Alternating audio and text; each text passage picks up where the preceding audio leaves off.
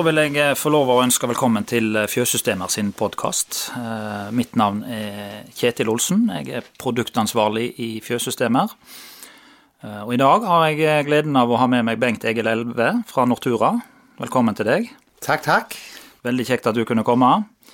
Bengt Egil, jeg har invitert deg med. Du er jo en ressursperson i Nortura, fagperson. Du må fortelle litt om hva jobb du har der, og litt om bakgrunnen din. Ja, jeg er rådgiver på storfe i, i Nortura, og um, har jobbet både med næring av drøvtyggere og mye med noe eh, kusignalkonsept, og var kanskje den første i Norge som begynte med kusignalseminar for lenge siden.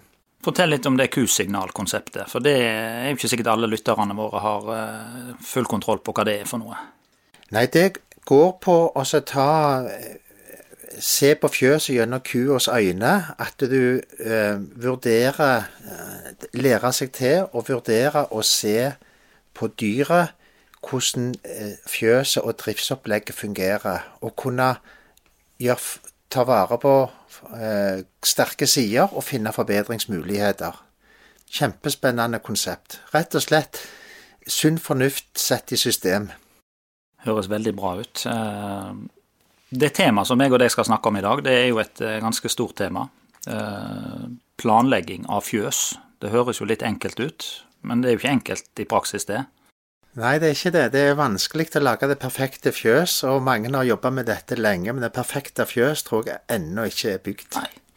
Uh, og det som, jeg, det som, jeg, tenker, det er jo uh, i den tida vi, uh, vi er i nå Vi har begynt og er midt oppe i en stor utbygging. Vi har et, et, et, en endring i regelverket som kommer i 2034. Da skal ingen kyr lenger stå fastbundet på bås. Så det er veldig mange gårdbrukere der ute som skal uh, i gang med investeringer og bygge seg nye fjøs. Løsdriftsfjøs. Og det er jo det vi skal begynne å snakke litt om her i dag. og i dag så tenkte jeg at vi skal snakke om det helt grunnleggende når vi begynner med planlegging av et fjøs. og det er jo at vi har et regelverk å forholde oss til. og alle regelverk, og kanskje særlig forskrift for hold av storfe er det jo rom for tolkning eh, i, i, en viss grad. Hva tenker du om det, Bengt Egil, hvis vi tar utgangspunkt i, i forskriften og bygger et fjøs eh, helt etter den bokstaven? Eh, Målene i forskriften er minimumsmål. Men det som er viktig å vurdere, det er hensikten, at fjøset fyller sin hensikt. Og det er veldig viktig, eller et mål på hvordan et fjøs fungerer, det er egentlig hvordan de dyra som er lavest rangert, greier seg. Så et godt fungerende fjøs, så vil eh, det som mange kaller for taperdyra, ha en fair sjanse. Mm.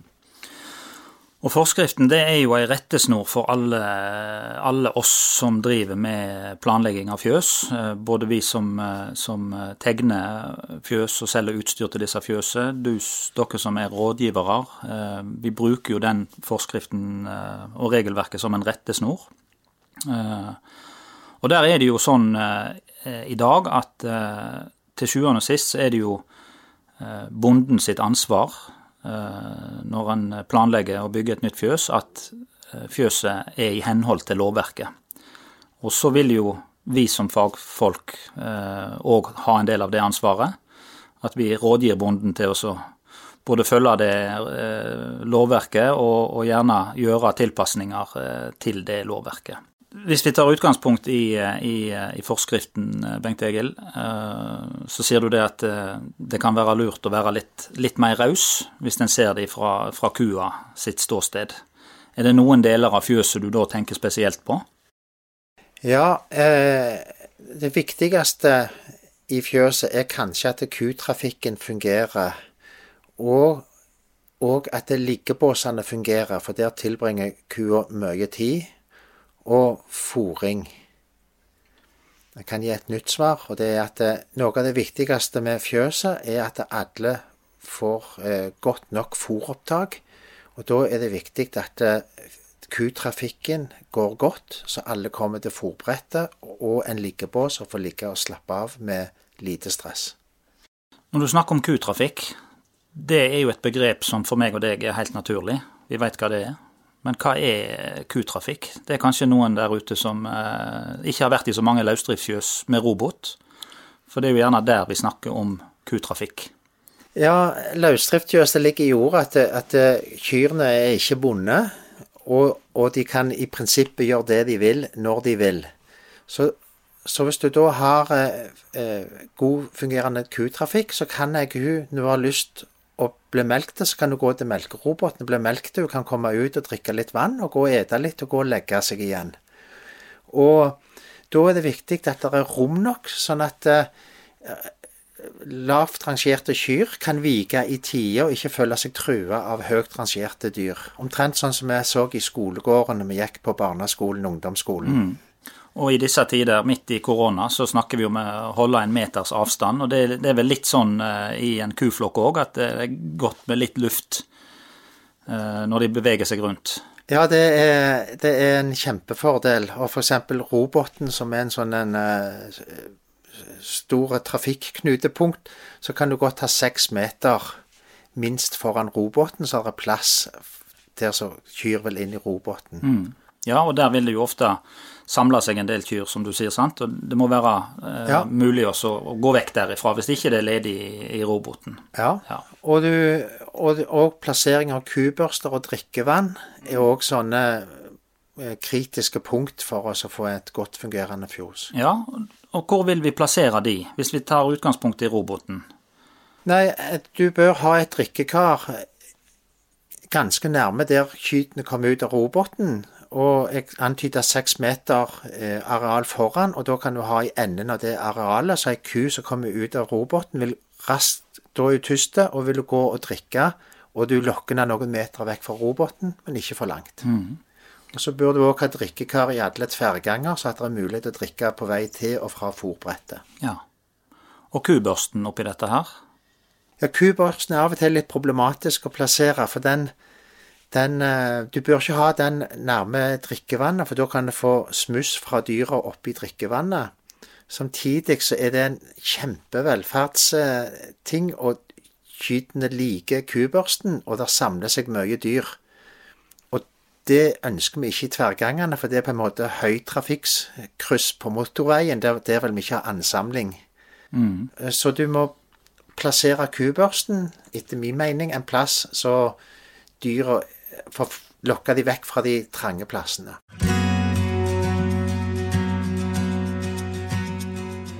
Hvis vi går tilbake til det med drikkekar, Bengt Egil, så har vi lært det at eh, det skal være så og så mange centimeter drikkeplass per ku i et løsdriftsfjøs.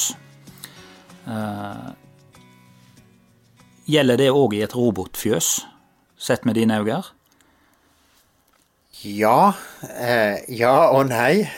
Eh, eh, det bør være Drikkevannet må i utgangspunktet være fordelt, så det er nok plasser det går an å, å drikke.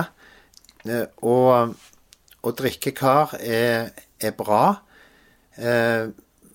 Sånn at hvis du trenger tre drikkekar, for du har roboten og to tverrganger, så må du ikke tenke på om du passerer de centimeterne som forskeskravet er. Og og det jeg òg tenker på, er jo, er jo det at uh, i en robot, eller i en lø løsdriftsfjøs med robot, så er det jo ei og ei ku som kommer ut fra roboten. Uh, det er ikke det store behovet kanskje for at mange drikker samtidig. Uh, det er jo litt dette med kutrafikk som vi snakket om. For det er jo et, et, et moment med drikkekar. Hvis en har disse store drikketrauer på en overgang, så må den være mye bredere. Ja. Ja, det, det, er sant. Du må se etter hvor du Ja. Så det, det, er mange detaljer bare med et drikkekar som, som eh, er viktig når vi, eh, når vi, planlegger fjøs. Eh, og så tenker jeg jo det at i mange løsdriftsfjøs så skal vi ha en kraftfòrautomat, som òg er jo en sånn trafikkdriver, for å kalle det det. Ja. Hvor, hvor, vil vi plassere den hen? Nei, den òg må plasseres sånn at du unngår unødvendige samling av dyr, og gjerne litt vekke fra en tverrgang. Og kanskje på, på baksida, altså bakgangen, linst litt vekke fra fòrbrettet, for å spre dyra. Og har du mer enn én kraftautomat, så bør det òg være litt avstand mellom de, så hvis hvis eh, ei dominante kyr sperrer kaffeautomaten, så er det en annen automat. Det er det som er at dominante dyr de liker å vise sin makt med å hindre andre tilgang til det som blir oppfatta som positivt, og det kan være enten drikkekar eller kaffeautomat eller melkerobot eller fòrbrett. De vet sin posisjon. I en løsdrift, så eh, du var inne på det tidligere her, så er det både høyrangerte kyr, altså sjefene, og så har vi noen som er lenger ned på rangstigen, som, eh, som ofte blir definert som, som tapere. Eh, er det tiltak en kan gjøre altså med tanke på, på innredning f.eks. som gjør at en kan utjevne den forskjellen mellom høye og lave kyr på rangstigen?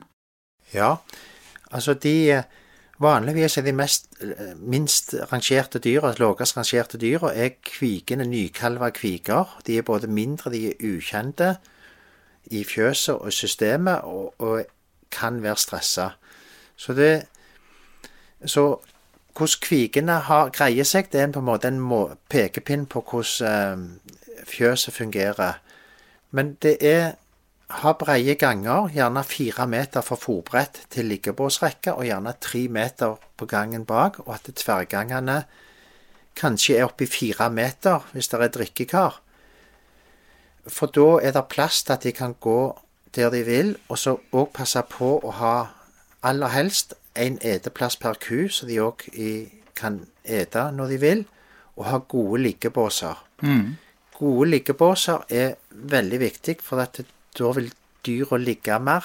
Det er positivt for dyret, men også positivt for de andre, for de dyra som ligger, er ikke i veien. Når jeg planlegger et fjøs, så, så uh, er det helt naturlig for meg uh, i, uh, når jeg tenker litt detaljer på, på innredning, ender på liggebåsrekker. aldri tette skiller der.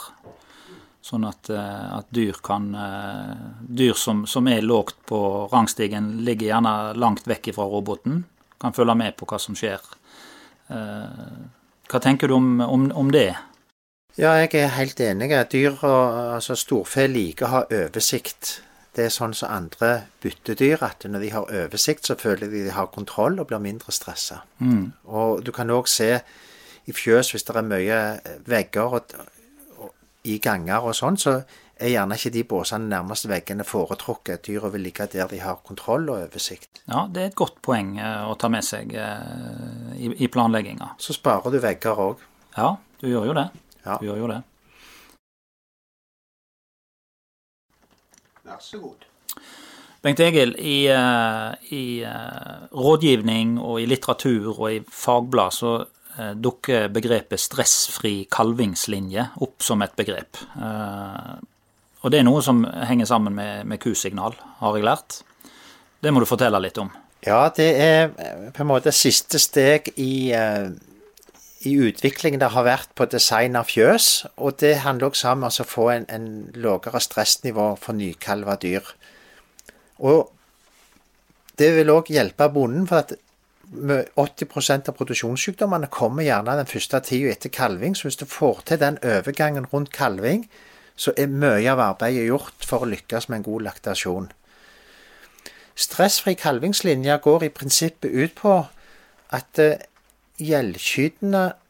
er i nærheten av kalvingsbingen. Og kalvingsbingen i nærheten av velferdsavdelingen, der dyret skal være de to-tre første ukene etter kalving. Så du har minst mulig flytting i den perioden. Um, så jeg siste ukene av den tørre perioden så går kua rett på sida av kalvingsbingen. Så når kalving begynner, så er det kort å flytte den inn i bingen. Og når kalving er ferdig og ting under kontroll, så er det kort å flytte den over i velferdsavdeling. Hun blir gående så lenge det er plass til hun må ut med resten av flokken. Da får du en god start. Og dette er jo interessant, for hvis vi, hvis vi ser på veldig mange eh, planløsninger, tegninger av, av nye, moderne fjøs, så ser vi jo at, ofte at uh, gjeldkyr og kviger er plassert langt vekk fra disse fasilitetene. Gjerne i enden av løsdrifta finner vi gjeldkyr. I noen tilfeller så er kvigene òg der. Eh, I andre tilfeller så er de eldste kvigene på andre sida av fòrbrettet. Eh, men du vil altså flytte alt dette over på, samme side som roboten, da? Ideelt sett? Ja, det vil jeg. For, for når du har det lengst vekke fra eh, der som de skal kalve, og når kalvinga begynner, så må du flytte dyra, da stresser du det. Så, så bremser du opp progresjonen i kalvinga, og det får konsekvenser for kan få litt vanskeligere kalving, litt dårligere råmennskvalitet, litt, litt dårligere start. Mm. Og, og kua liker òg å ha kontroll, sånn at når du har gått de siste ukene der hun skal være, så har hun sett hvor hun skal være, og det blir mindre stress i disse overgangene. Ja, og i en sånn, eh, en sånn stressfri kalvingslinje, da, altså ideelt sett, hvordan ser en sånn løsning ut? Nei, den er, Det er egentlig enkelt, for det er, det er bare å ha gjellkyr helt i enden, og så har du kalvingsbinger eller behandlingsbinger rett i nærheten. Og så er det bingen på sida av. Der er velferdsavdeling, der det er de første uh, ukene etter kalving. Og så har du melkerobot, og så har du resten av uh, dyra på andre sida av roboten. Og fjøset er egentlig ikke større, du har bare plassert tingene på en annen måte. Underlag i en sånn uh, stressfri kalvingsbingelinje-type? Ja, der må du ha de hvis det er forskjell, så må du ha det beste liggeunderlaget og, de, og det beste gangarealet i, for de nykalva dyra, og gjerne òg for gjellkyr. I dine øyne, så hva er det beste underlaget for den, denne dyregruppa her, eller disse gruppene av dyr? Det er enten gummi på spalt eller gummi på, på fast gulv i gangareal. Og så er jeg veldig glad i djupstrøbåser eh, som gir veldig god liggekomfort. Hvis du skal velge for øverste hylle, så er det i disse arealene ofte bedre å ha en, en binge med et areal istedenfor delt opp i båser. Så kan dyra velge litt hvordan de legger seg, og da er det jo talle eller djupstrø som ofte er et alternativ. Men hvis du har båser, så er det veldig viktig at du har optimal, det aller beste av mjuke liggeunderlag, og gjerne litt bredere båser. Spesielt siste del av drektigheten, da dyra tunge og store har vondt for å legge seg og vondt for å reise seg. Da er vi jo inne på det med, med, med regelverk og forskrifter igjen. Sant? At da må vi gå litt ut forbi minimums. Ja, på, og hvis du går ut Et godt eksempel på det. Ja, og hvis du går ut forbi bare med noen få dyr, så er det de dyra som skal ha det beste. Bengt Egil, når vi snakker om stressfri kalvingslinjer og stressfrie kalvingsbinger, så kommer vi ikke utenom eh, et begrep som er velferdsavdelinger. Fokusavdeling blir det kalt. Eh, fortell litt om, eh, om tankegangen bak det konseptet der. Tankegangen er at de skal ha best mulig forhold de første ukene etter kalving. Altså kua, og spesielt kvikene som kalver for første gang, de har det er hormoner som virker som gjør at leddbånd er slakke, klauene er slakke. Eh, det er en ny situasjon, det er en voldsomt overgang fôringsmessig. Så de dyra skal ha de beste forutsetningene for å kunne ha maksimalt fôropptak, maksimal liggekomfort og minst mulig stress og konflikter med andre dyr. Så får de de to-tre første ukene på den måten så går det mye bedre. Og hvis det er litt for trangt, så av og til så er det bare ei uke, så er ei uke i velferdsavdelingen bedre enn ingen uker i velferdsavdelingen. Men dette med, med en sånn type eh, avdeling, denne typen areal, eh, det er jo ikke noe nytt. Eh, og det er jo ikke noe norsk fenomen, er det vel? Nei, sjøl hørte jeg den første gang i Nederland i, i ca. 2004-2005. Og da var det litt sånn fremmed og litt aha-opplevelse for oss som kom og, og, og så dette, og syntes dette var spennende å ta med seg. Mange, mange melkeprodusenter, bønder som, som, skal bygge nye fjøs, blir ofte presentert for en velferdsavdeling. Eh, og en litt sånn eh, feil oppfattelse er at det er et areal som, eh, som, som, krever mye plass. Eh, mye ekstra plass i fjøset. Er det egentlig sånn? Nei, for du du bare flytter litt på ting. Så at du flytter roboten litt lenger fram i fjøset, så lager du et areal bak roboten, så du har de samme tinga i fjøset, du bare plasserer det på en annen måte. Altså en smartere design.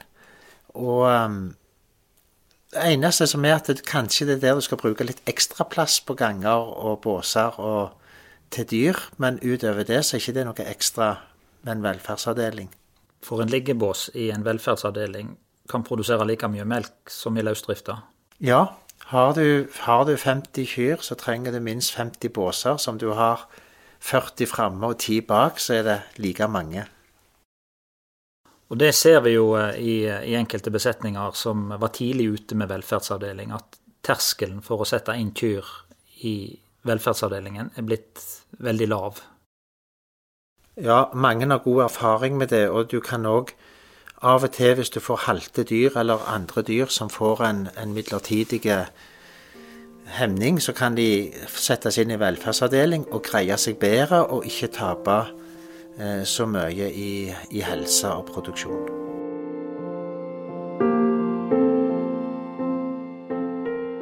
Nå skal vi snakke om noe som er veldig spennende og eh, et stort tema i hver en diskusjon når vi eh, planlegger fjøs, Bengt Egil. Bredde på fòrbrett. Hva hva tenker rådgiveren om, om, det? Ja, det Bredde for fòrbrett det, blir ofte, det kommer ofte opp i diskusjonen, for da begynner vi å snakke om bredde på bygg, bygg og dimensjon på sperr.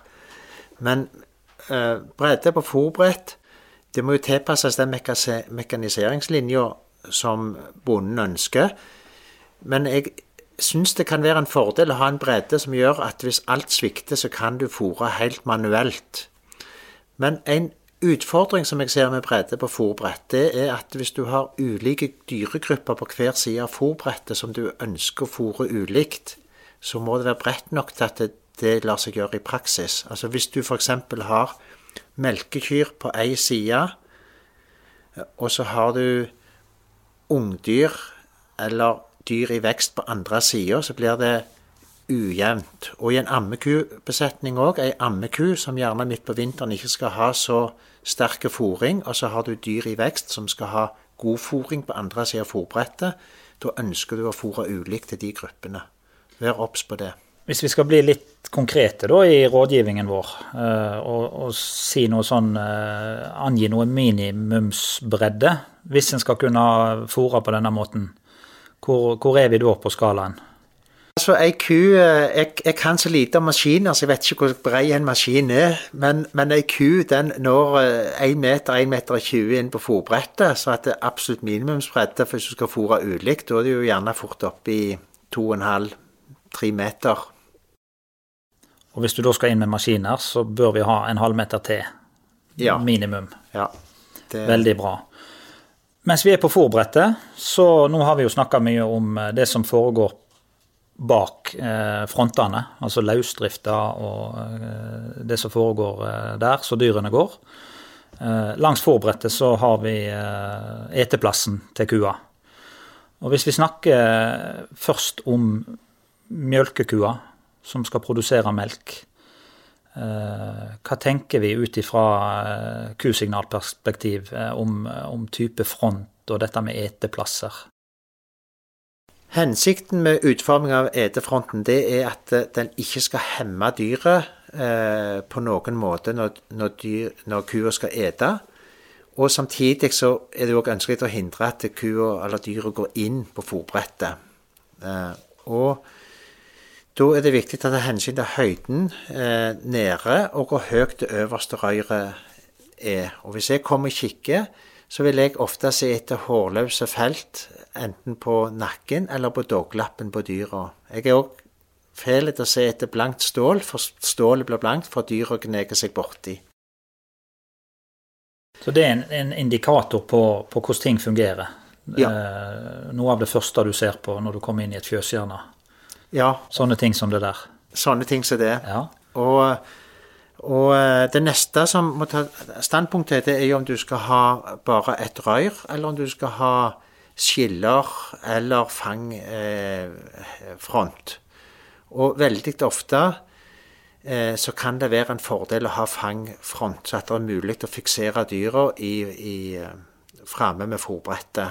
Enten du skal arbeide i båsene eller andre ting du skal gjøre, eller du skal vaksinere, klippe, behandle mange dyr på en gang. Og så er det et, et, spørsmål som ofte dukker opp. Eh, som er, Det er jo en sånn detalj og litt sånn krevende når en planlegger fjøs. Eh, vi har x antall meter med, med front, eller eteplass, å tilby. Det er mange faktorer som påvirker hvor, hvor mange meter det blir. Og i noen fjøs så ser vi jo det at vi noen ganger må, må la flere kyr dele en eteplass. Eh, hva tenker, hva tenker, du om det?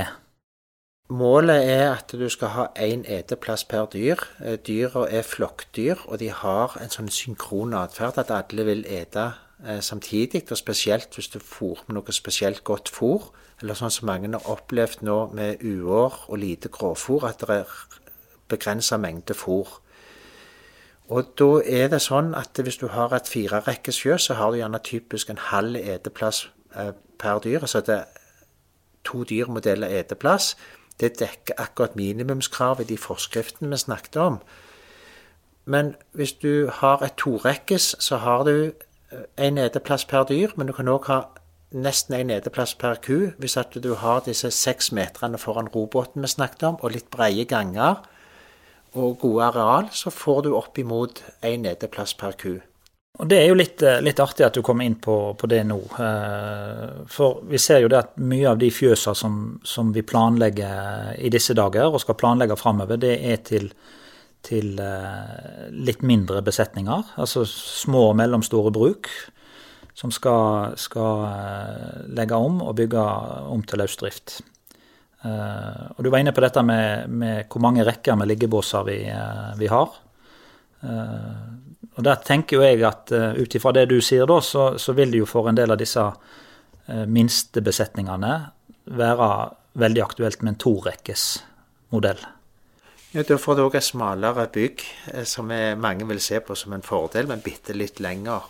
Og du får et, er enkelt og fett velfungerende bygg. Og denne firerekkersmodellen som du eh, nevnte, den, den vel, eh, hører vel kanskje litt fortida til? Ja, det blir veldig breie og korte bygg, og litt vanskeligere å ventilere, og utfordrende med kutrafikk og ha oversikt. Nå har vi vært innom eh, løsdrifta, vi har vært innom fòrbrettet og fronter. Eh, og vi har nevnt dette med liggebåser eh, gjennom hele samtalen vår. Eh, men en liggebås, Bengt Egil, er jo ikke bare en liggebås. Er det vel? Nei, like, ligggebåser er viktig. Og i en god liggebås så ligger dyra mer enn i en dårlig liggebås. Og det med økt liggetid er en velferdsindikator, eller en indikator på lite stress. Og ei ku som ligger, den hviler beina sine, klauene tørker, det får bedre klauhelse. Og ei ku som ligger, er ikke veien for de andre dyra i fjøset, som gjør at resten av kutrafikken går mye bedre. Og det viktigste for at en liggebås skal fungere, det er at det er plass til hodesvingen. En ku reiser seg, så vil dere se at du strekker hodet langt fram som en motvekt. Og så må òg underlaget være mjukt, sånn at uh, kua ikke får hårløse felt eller sår eller skader, og, og liker å ligge. De foretrekker mjuke underlag. Vil det være sånn at uh, det aldri kan bli for mjukt? Det er nesten sånn, ja. Jeg har ikke sett noe. Det pakker seg jo til hvis det skulle være så mjukt. Det er et luksusproblem. Ja. Men andre ting som er viktig, det er òg at eh, for å få til den hodesvingen, så må det ikke være vegg eller hindring foran der kua reiser seg. Og, og, det er egentlig bare tre element som begrenser bevegelsen i en liggebås. Og det er nakkebommen, røret øverst, som bestemmer hvor langt kua går fram før man begynner å legge seg. Det må være så langt framme og så høyt at kua står med fire føtter i båsen før hun må legge seg. Og så har vi hoderøyr, eller det røyret som er framme på innredningen. Det bør for en vanlig melkeku være kanskje oppimot én meter over gulvnivå, for at kua skal ha plass til uten hindring å stappe hodet fram når hun skal reise seg igjen. Da må jeg få lov å stille deg et spørsmål, for det er jo mange typer eh, liggebåsinnredning. Eh, altså bøyler og systemer for å henge de opp. Eh, vil du foretrekke en, en løsning uten den hoverøyren, som du kaller det? Eller det, har den en funksjon? Hov, ofte er det en forsterkning av selve innredningen, og hvis den er høy nok, så, så ser jeg ikke så ser jeg ikke at den er i, veien for, for kua, og kanskje den òg hindrer at kua vil gå rett gjennom i ei dobbeltrekke og komme inn på feil side av båsene. Og når, når, den er så høy, så må du òg ha en brystplanke som hindrer at kua på en måte kryper eller roker seg for langt fram når hun ligger. For brystplanken er en like god, eh, godt hjelpemiddel til å plassere kua i, i båsen som nakkerøren, stemmer ikke det? Jo, den hindrer at kua kommer for langt fram. Og på en måte det ultimate tegnet på at ei ku slapper godt av, det er at du strekker den ene framfoten fram. Så, så den eh, brystplanken trenger ikke være mer enn fem, kanskje sju centimeter høy, og gjerne være et mjukt og avrunda materiale, så det føles behagelig. Og du unngår skade på knær når kua ligger mot brystplanken. Hvis vi går inn på liggeunderlaget i en liggeboss, så finnes det jo uh, mye å velge i. Uh, ja. Det er gummimatter, det er madrasser, vannmadrasser. Uh, og så i de siste årene så er det blitt stor interesse for greenbedding, djupstrø. si litt om, om, om hva du tenker om det. Jeg tror at greenbedding eller djupstrø er på en måte det, kanskje det beste alternativet. Og jeg opplever at det er litt fleksibelt òg, for lager du et djupstrøbås, altså djupstrø vil si du har istedenfor betong og madrass eller andre ting oppå, så har du en oppkant i bakkant, og så kan du fylle 15-20 cm med et strømateriale. Og da og da er du litt fleksibel, for du kan skifte hva materialtype Hvis noe ikke fungerer, så kan du skifte til noe annet. De mest vanlige er jo sand, eh, eh, sakspon, eh, separert skit, altså at du rett og slett tar hevd fra din egen kumme og presser ut fuktigheten, og så ligger på fiberen som er igjen. Det er mye renere og mye finere enn hva det høres ut når du sier det. Og så er det òg en mulighet at du kan ta, Hvis du har fullformikser, så kan du ta halm, litt vann og litt kalk og kjøre som en miks, og så bruke som full masse i båsene, og du har et veldig godt underlag dyret trives i. Men jeg tror at sånne eh, båstyper fungerer best i åpne fjøs, hvor det er litt mer ventilasjon og mer opptørking. Ja, og Når du sier åpne fjøs, da tenker du med, med naturlig ventilasjon? Åpne sider og naturlig ventilasjon, ja. Eh, og så tenker jeg det at eh, for de som sitter og hører på dette her, så, så høres dette ut eh, høres veldig bra ut fra, sett fra kua sitt ståsted. Hvordan, vil du rangere disse systemene fra bonden sitt sin stå, ståsted? Nei, du får jo Altså, det er jo litt investering, og det er litt mer arbeid, men du får kanskje mindre hefte med syke dyr, og du får bedre produksjon. Altså hvis du øker liggetida, når ei ku ligger, så er det bedre blodsirkulasjon gjennom juret enn hvis hun står, og da produserer hun òg mer melk. Og det er lettere for å ha god helse. Så det du sier, er det at eh, hvis en legger litt mer arbeid i det, altså det krever litt mer arbeid, men det vil en få igjen og, ja. og få betalt for? Ja. Men det er et veldig godt poeng. Ja. Uh, som vi ofte glemmer litt, og som vi, vi hopper litt bukk over. For vi ser på denne store uh, Vi ser på det som en stor arbeidsmengde. Eh, men dette får vi jo tilbake i form av et, ei eh, ku som gjerne varer lengre og produserer bedre. Ja, det er jo viktig. altså, og Du hører det jeg holdt på å si nesten overalt i verden, men at det veldig ofte så er det mange som snakker om levetid, altså hvor gamle blir dyra før de blir utrangert. Og det går på dyrevelferd. Også på miljø så er det mange som snakker om livstidsproduksjon, altså hvor mye melk produserer ei ku før hun må utrangeres. Og høy levealder og høy livstidsproduksjon er positive eh, ting. Ja, det er god økonomi for bonden. Absolutt.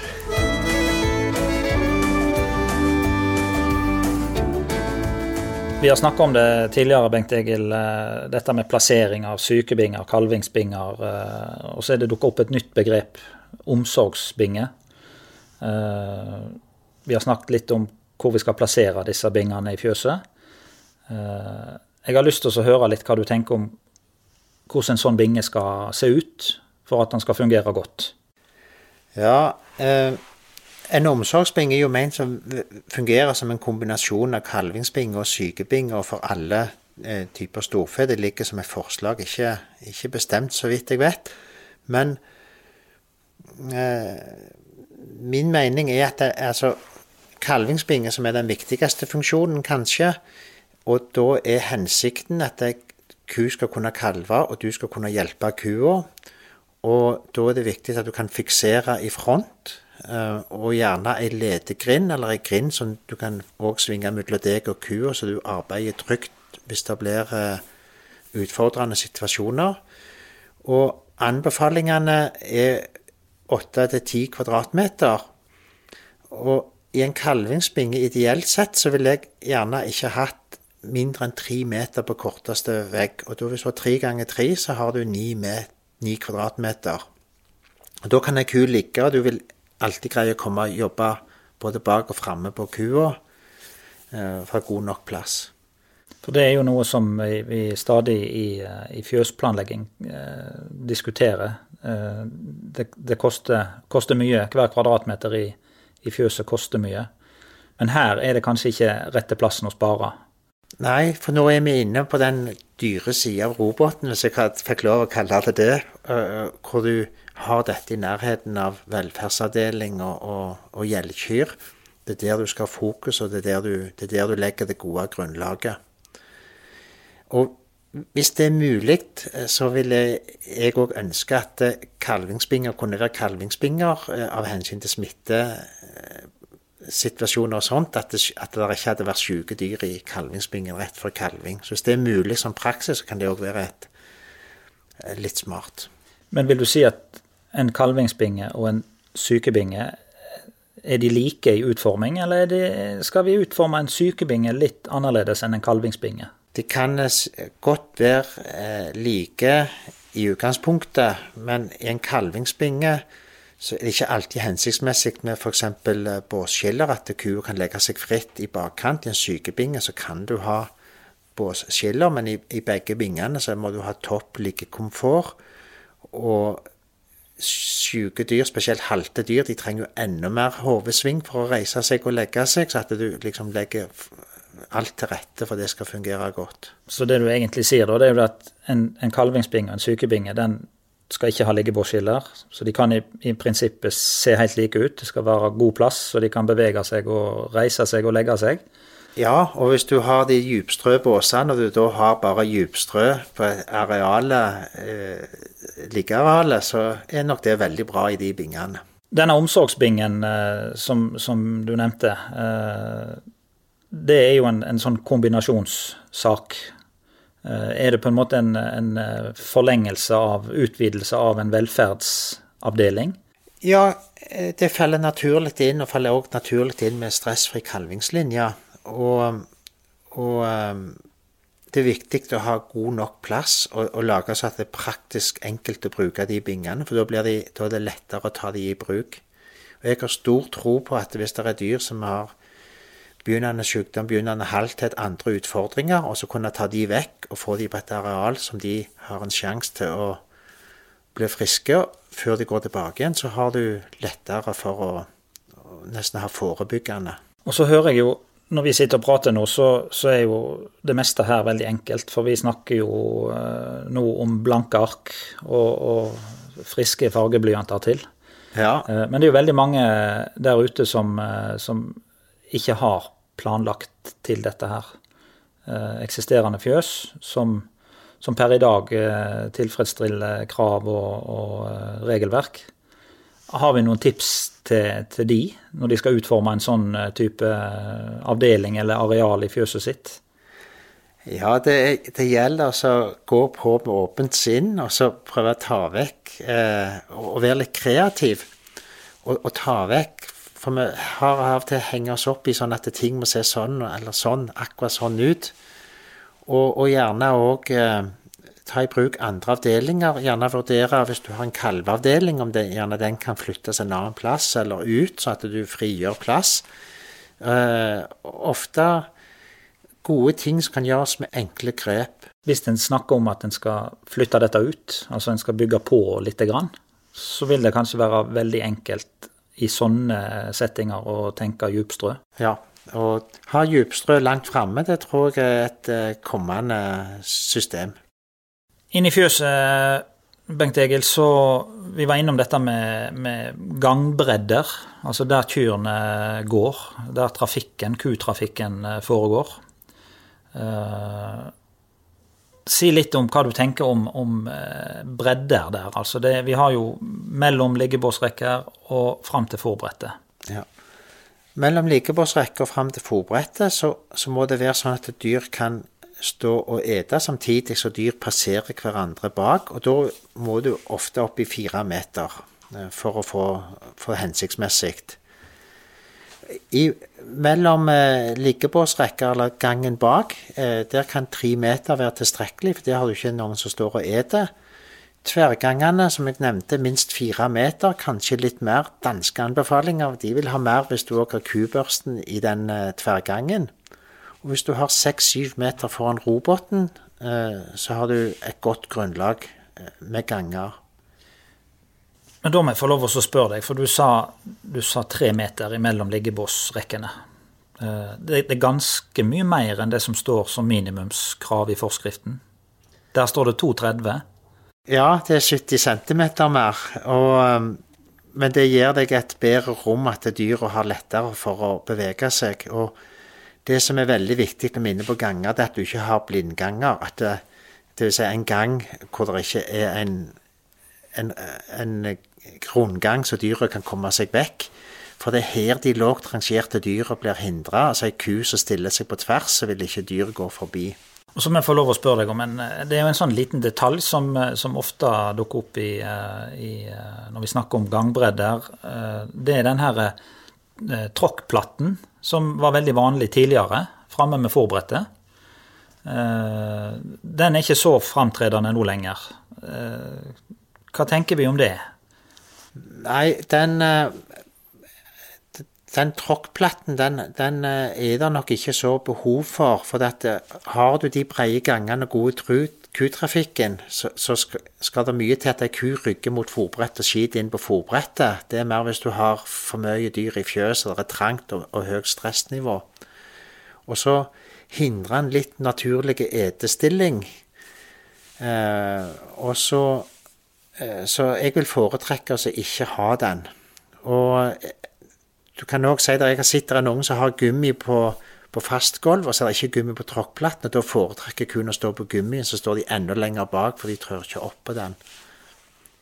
Og Det er jo en fin overgang til, til, det neste som vi skal snakke litt om, og det er jo eh, gulvet som kyrne går på. Eh, for der er det jo òg eh, litt forskjellig å, å velge i. Det, det, viktigste med gulvet er at det ikke er glatt. Altså, Gode gulv er viktig for fôropptak, for da har ei ku enkelt for å gå og ete og gå og legge seg, som vi har sagt er så viktig. Og, um, og bare betong vil bli glatt. Betongspalter de blir òg glatte og med riller sitte en stund. Eh, gummibelagte gulv eller gummibelagte betongspalter har den fordelen at klauvene synker litt ned i gummien, og så får de bedre grep. Og Det er mange signal på om, om gulvet er glatt eller fungerer bra. Du kan se på steglengden. Altså Hvis du har et bra gulv, så vil dyra gå midt i gangen. Lange steg, hodet høyt. Har du glatte gulv, så vil de trekke inn mot siden og korte steg og, og, gjerne se litt ned, omtrent sånn som vi går på glattisen ute på fortauet. Ja, det er gode poeng. Um, og da tenker jeg uh, Vi har gjennom samtalen vår uh, valgt litt ifra øverste hylle, hvis vi får lov. Hva, hva ville, ville, du sagt fra kua sitt eh, ståsted er det beste gulvet å gå på?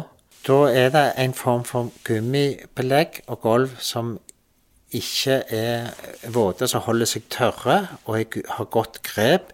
og minst mulig høydeforskjeller og trinn. Altså Det er ikke nødvendig å ha opptrinn på tverrgangen, men at alt er på ett nivå. Så skal jeg være forsiktig med å blande meg opp i merker og utforminger. jo, og så er det jo, er det jo sånn at det, det, er litt sånn uh, historisk, og det er litt sånn trender inne i bildet. sant? Vi har vært gjennom en periode der, uh, hvis vi ser 10-15 år tilbake, så var det veldig mye fast gulv. Uh, åpne skrapeganger. Det har snudd over til, til spaltegulv. Uh, særlig etter at dette med robot uh, virkelig tok av, sant? med tanke på renhold, hygiene. Uh, og begge de løsningene er det jo mulig å få gummi til. Ja. og det bør en kanskje ta med i, i planlegginga og, og, i budsjettet, hvis en ønsker høyest mulig komfort. Ja, og, og fordelen med spalter, og spalter med gummi, det er at det er lettere, kanskje lettere å holde tørt og rent med en måkerobot.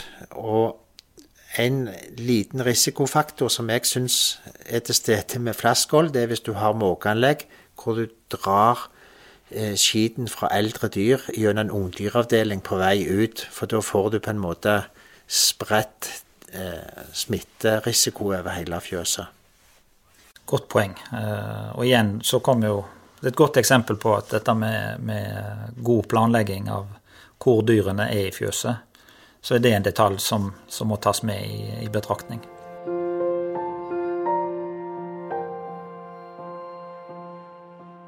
Bengt Egil, jeg vet eh, du har en, eh, du har en eh, skal vi kalle det en kjepphest. Et, et ønske som veldig ofte i, i fjøsplanlegginga ikke blir tatt hensyn til. Si litt om det. Ja, Det er en behandlingsavdeling som ikke er en binge eller en sykebinge, men rett og slett at det blir satt av noen få kvadratmeter og så få inn en permanent kløyboks eller behandlingsboks. Eh, og der må du òg ha tilgang til varmt og kaldt vann, så det er enkelt å arbeide. Så hvis du oppdager ei halvt ku eller ei ku som det er noe med, så kan du på kort tid få den inn i den boksen og jobbe trygt og sjekke om det er klauer om det er noen som trenger klipping eller hva som helst. Det er gjerne ikke hensiktsmessig til klauskjæring på alle dyra, men hvis det er da ei eller to kyr, så får du behandla det med en gang, og da har du mye større sjanse til å komme seg igjen. Og, um, og det håper jeg er det neste når vi får stressfri kalvingslinje. Når den er plassert, så skal vi òg ha behandlingsavdeling. Det er det neste trinnet i utviklingen du tenker at eh, Og det høres ut som at dette arealet her hører naturlig sammen med, med kalvingsbing velferdsavdeling, altså i det området i fjøset? Ja, for du, du kan ha det i forbindelse med utsortering eller skilling med, i roboten. Så du setter den opp utskilling, og så får du den inn i disse her eh, bingene og den avdelingen. Og det er jo klart at dette er jo eh, et areal som, eh, som kom i tillegg til, til alt annet. Eh, men eh, du vil si at dette er viktig å prioritere? Ja, og du har òg andre bruksområder. For de som vil selge livdyr, så blir det mer økt krav til eh, veterinærattest. Og i en sånn en boks, hvis du vil selge to-tre kyr, så kan òg veterinæren sjekke klauvene på de dyra du skal selge grundig, så du får en god attest og, og, og har et uh, godt rykte som god livdyrselger. Og så handler det om trygg og sikker håndtering av dyr. De òg Unngå arbeidsuhell. Så er det dyr som har smerte, da vil jeg gjerne reagere hvis du skal behandle dem, og da kan du jobbe trygt i en behandlingsboks med mindre risiko for personskade. Og dette er jo, tenker jeg, like viktig i en uh, melkekubesetning som i en ammekubesetning. Ja, absolutt. Og i en ammekubesetning skal du godt ha vekt i tillegg. Eh, det vil kanskje være enda viktigere i eh, en ammekubesetning, for der blir dyrene håndtert mye mindre. Ja, så der er det viktig å kunne arbeide trygt. Jeg har egentlig lurt deg, Kjetil, for jeg har en liten kjepphest til, og det er en god lasterampe. For eh, økt fokus på god dyrehelse, så er det òg viktig at et fjøs kan levere slaktedyr på en trygg og god måte, og unngå at f.eks. slaktebilsjåfører må komme inn i fjøset for å være med og hente dyr. en god lasteramp og planlagt logistikk, så at det er enkelt for bonden å få dyret ut på rampen og overlevere de til slaktebil og ta de videre uh, ut med minst mulig risiko for smitte. Hvordan ser en sånn uh, rampe ut, da? Ideelt sett? Nei, uh, ideelt sett så må det være god plass for for slaktebilsjåføren å rygge til rampen, og at grindene er gjerne litt at betongkanten på lasterampen er litt framfor grindene, så du kan legge rampen ned. Og en lasterampe eh, spør alltid sjåføren, men rundt 40 cm fra bakken er veldig fint. Og du legger ned rampen, så får du samme stigning fra rampen og inn på bilen. Bilen senker seg jo litt på boggien og kom, blir litt lavere bak. Og har, leverer, du, leverer, du, mye slaktedyr, oppfølging av slaktedyr, så kan du òg ha inndeling i flere binger, så du kan ta dyr ut. Så står de klar når, når bilen kommer, fire-fem dyr i hver binge. Jeg har lært noe om, eh, om eh, vinkelen dyrene kommer ut på på en sånn rampe. Eh, har du noe synspunkt på det? At de skal, enten de skal svinge eller ikke? Ja, det er, det er mange prinsipper her, men det, var, det, kan være en fordel at dyra svinger. Og, og, og, når du driver dyr ut av sitt vanlige miljø, så har de lyst til å komme tilbake igjen. Så hvis at du svinger 90 grader, så vil de tro at du gjerne er på vei eh, tilbake igjen. Og så kan du ha en eh, port i enden av, eh, av lesterampen. Da tenkte jeg vi skal snakke om noe som eh, er særdeles viktig eh, i alle typer fjøs, eh, Bengt Egil. Til alle dyreslag. Dette med klima, miljø, luftskifte, ventilasjon.